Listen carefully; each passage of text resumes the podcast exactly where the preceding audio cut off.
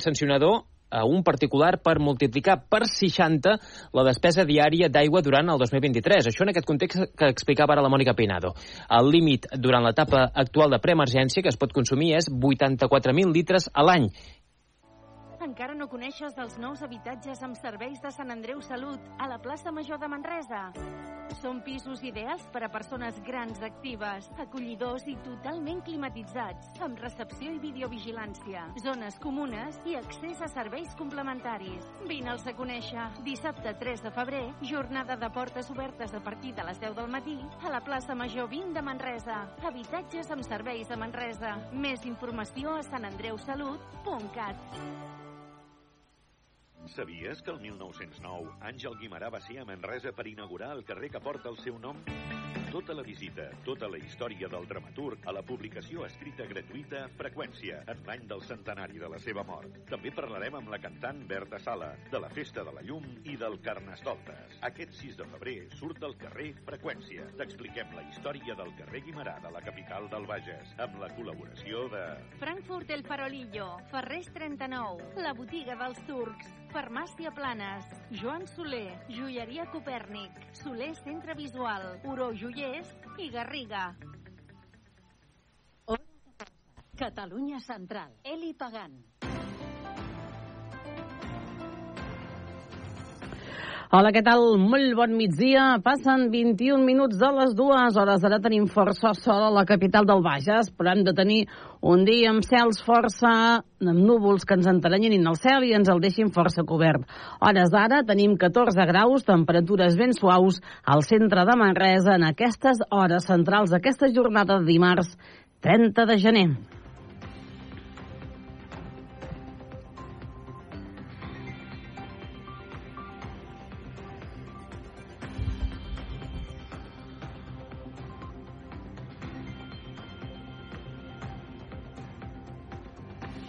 Obrim amb el capítol judicial. Les defenses dels quatre vegencs qüestionen la versió dels Mossos per estar involucrats en els fets de la caserna. Ens estem referint a aquest judici que té lloc avui ahir i avui a l'Audiència de Barcelona. Anem a PAMS. Aquest judici a l'Audiència de Barcelona contra els quatre joves al Bages que s'enfronten a penes de fins a 10 anys de presó per haver participat en una concentració davant de la Guàrdia Civil de Manresa avui ha quedat ja vist per sentència. El Ministeri Fiscal i la Generalitat s'han mantingut en les seves acusacions, mentre que les defenses han demanat l'absolució. Els advocats han qüestionat la versió dels Mossos perquè van estar involucrats en els fets. Els Mossos diuen han estat perjudicats indemnitzats i no es pot condemnar els acusats només per la seva declaració, ha apuntat una de les lletrades. Les defenses també han assenyalat contradiccions entre l'atestat policial i les declaracions dels agents cinc anys després que passessin als fets. Els Mossos van declarar ahir en aquest judici contra aquests quatre vegencs, va dir que van ser un barra lliure de llançaments. Un testimoni assegura que ni ell ni un dels acusats van llançar res. En canvi, els Mossos d'Esquadra diuen que van rebre llançaments de multitud d'objectes durant aquesta concentració davant de la Guàrdia Civil. Com dèiem, el judici ha quedat avui vist per sentència. Anem a parlar de trens. El servei ferroviari entre Lleida i Manresa canviarà de nom i ampliarà freqüències aquest mateix any. Així es va anunciar durant la presentació de l'ampliació de freqüències del tren entre Lleida i Cervera, que arribarà a 10 a partir del proper 5 de febrer, la setmana vinent. L'operació anirà acompanyada d'una estructuració d'horaris per millorar la coordinació de línies i intercanvi amb altres trens i al llarg del segon trimestre de l'any la duplicitat també arribarà fins a Manresa i s'arribarà fins a 5 serveis diaris. Els serveis s'operaran amb dues unitats 447 i Renfe preveu incrementar la plantilla amb almenys 6 nous maquinistes. El desplegament costarà 2,4 milions d'euros anuals. La duplicació del servei respon al compliment dels acords assolits entre la consellera de Territori Esther Capella i la ministra de Transport Raquel Sánchez primer i el primer ministre i el ministre actual Òscar Puente. La Generalitat havia reclamat durant els últims dos anys aquesta duplicació de serveis prèvia a que Ferrocarrils de la Generalitat de Catalunya assumís la gestió de la línia entre Lleida i Manresa l'any 2025. I els Mossos d'Esquadra de la comissaria de Manresa, amb la col·laboració dels vigilants de seguretat d'Adif, van detenir el 17 i el passat 25 de gener dos homes de 45 i 55 anys com a presumptes autors d'un delicte de furt i un delicte de desordres públics. Els fets van tenir lloc el passat 17 de gener pels vols de les 5 de la tarda, quan els vigilants de seguretat d'Adif van alertar els Mossos que hi havia dos homes sostraient cable de coure de la via ferroviària, concretament al punt quilomètric 307 17 més 900 de la línia Terrassa-Manresa a l'alçada del municipi de Castellgalí.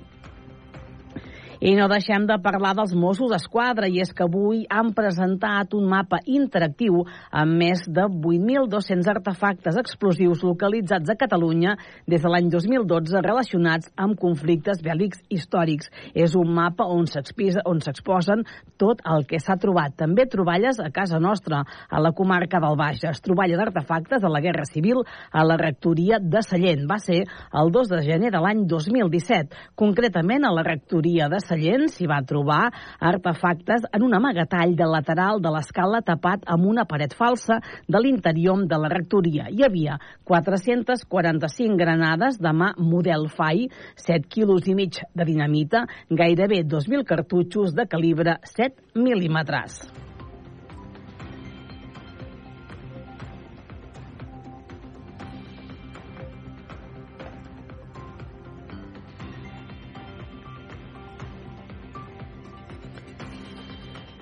I fem Manresa tilla d'espectacle que el rol jugat pel govern de la capital del Bages, format per Esquerra, PSC i Impulsem durant el debat plenari sobre la construcció de la residència del XUP.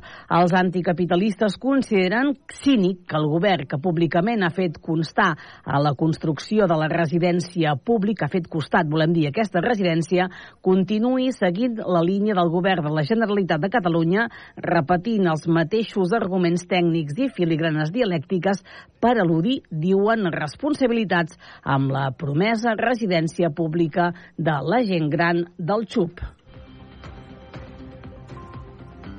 I ens anem a Berga i és que el conseller de Salut, Manel Balcells, va inaugurar ahir les noves urgències de l'Hospital de Berga. L'Hospital de Berga ja té acabades les noves urgències a la quarta planta de l'edifici nou. Aquesta tarda el conseller de Salut, el doctor Manel Balcells, ha estat l'encarregat d'inaugurar el nou equipament, el qual entrarà en servei dijous, segons ha anunciat avui mateix la direcció de l'hospital. Balcells ha destacat la tasca feta pel departament modernitzant l'hospital i especialment les urgències, que havien quedat obsoletes. En aquest sentit, ha anunciat que les inversions continuaran per tal de posar al dia l'Hospital de Berga. La transformació de l'hospital passava per la necessitat d'aquestes urgències i passa per la reforma dels quiròfans, passa per disposar d'una resonància nuclear magnètica, passa per les reformes estructurals necessàries. Per tant, amb el pla funcional, quan estigui fet, cal fer el projecte.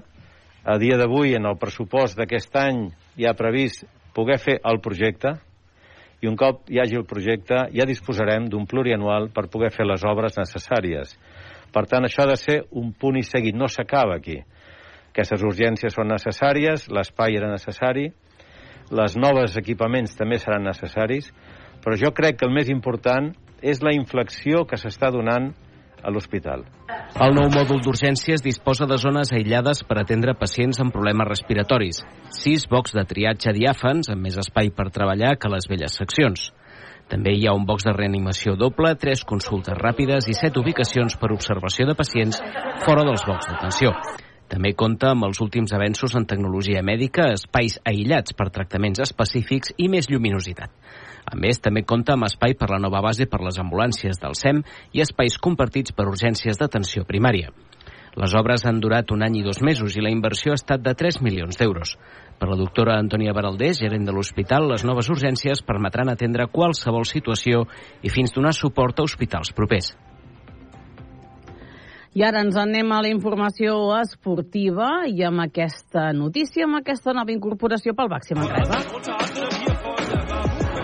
El Baxi Manresa ha anunciat la incorporació de Selom Magubbe, un pivot de 25 anys de 2,08 d'alçada que prové del Le Mans francès i que ocuparà la posició que fins ara ocupava Pierre Oriola, que es perdrà els propers partits per lesió. Magubbe ha signat contracte amb el Baxi Manresa fins a final de temporada. Magubbe arriba aquest dimarts a Manresa i, segons explica el club en la seva web, és un jugador que porta intimidació en defensa, lluita pel rebot i esforç pel benefici de l'equip tot i que, com podeu veure en els seus highlights, té facilitat per penjar-se d'anella contrària. Magubbe és americà, però amb passaport de Ghana, per tant, és cotonú i no ocuparà plaça d'extracomunitari, tot i que, a diferència de Pierre Oriola, no podrà ser convocat com un dels quatre jugadors de formació que obligatòriament s'han d'alinear en partits de la Lliga ACB de bàsquetbol. Dos y media, una y media en Canarias, como si fuera carrusel. Vamos al Congreso de los Diputados. al Congreso de los Diputados. Guillermo Lerma, minuto de juego y resultado. ¿Algún cambio, alguna pista, alguna novedad sobre esa votación de esta tarde en el Congreso sobre la ley de amnistía? Eh, ¿Se mantiene Junts a esta hora en su posición de no respaldar el texto? Guillermo, buenas tardes. ¿Qué tal, Casal? Se mantiene buenas tardes y a esta hora la ley de amnistía no tiene los apoyos necesarios para seguir con su tramitación. Junts amaga con no votar a favor del texto si el PSOE no acepta nuevos cambios que permitan sortear los últimos movimientos de García Castellón. Ferraz se niega, creen que es la redacción actual la que garantiza la constitucionalidad, así que el ambiente en los pasillos de la Cámara a media hora para el inicio del debate es Casal de absoluta incertidumbre. A las tres arranca ese pleno. En juego está, en efecto, la ley de amnistía que podría volver, si no sale adelante, a la Comisión de Justicia. Y en juego está también la fortaleza de un gobierno que ha ido de cesión en cesión hasta ahora y que tiene, por un lado, a Puigdemont apretando para ensanchar la manga de la amnistía y los márgenes legales por el otro, porque una cosa es ceder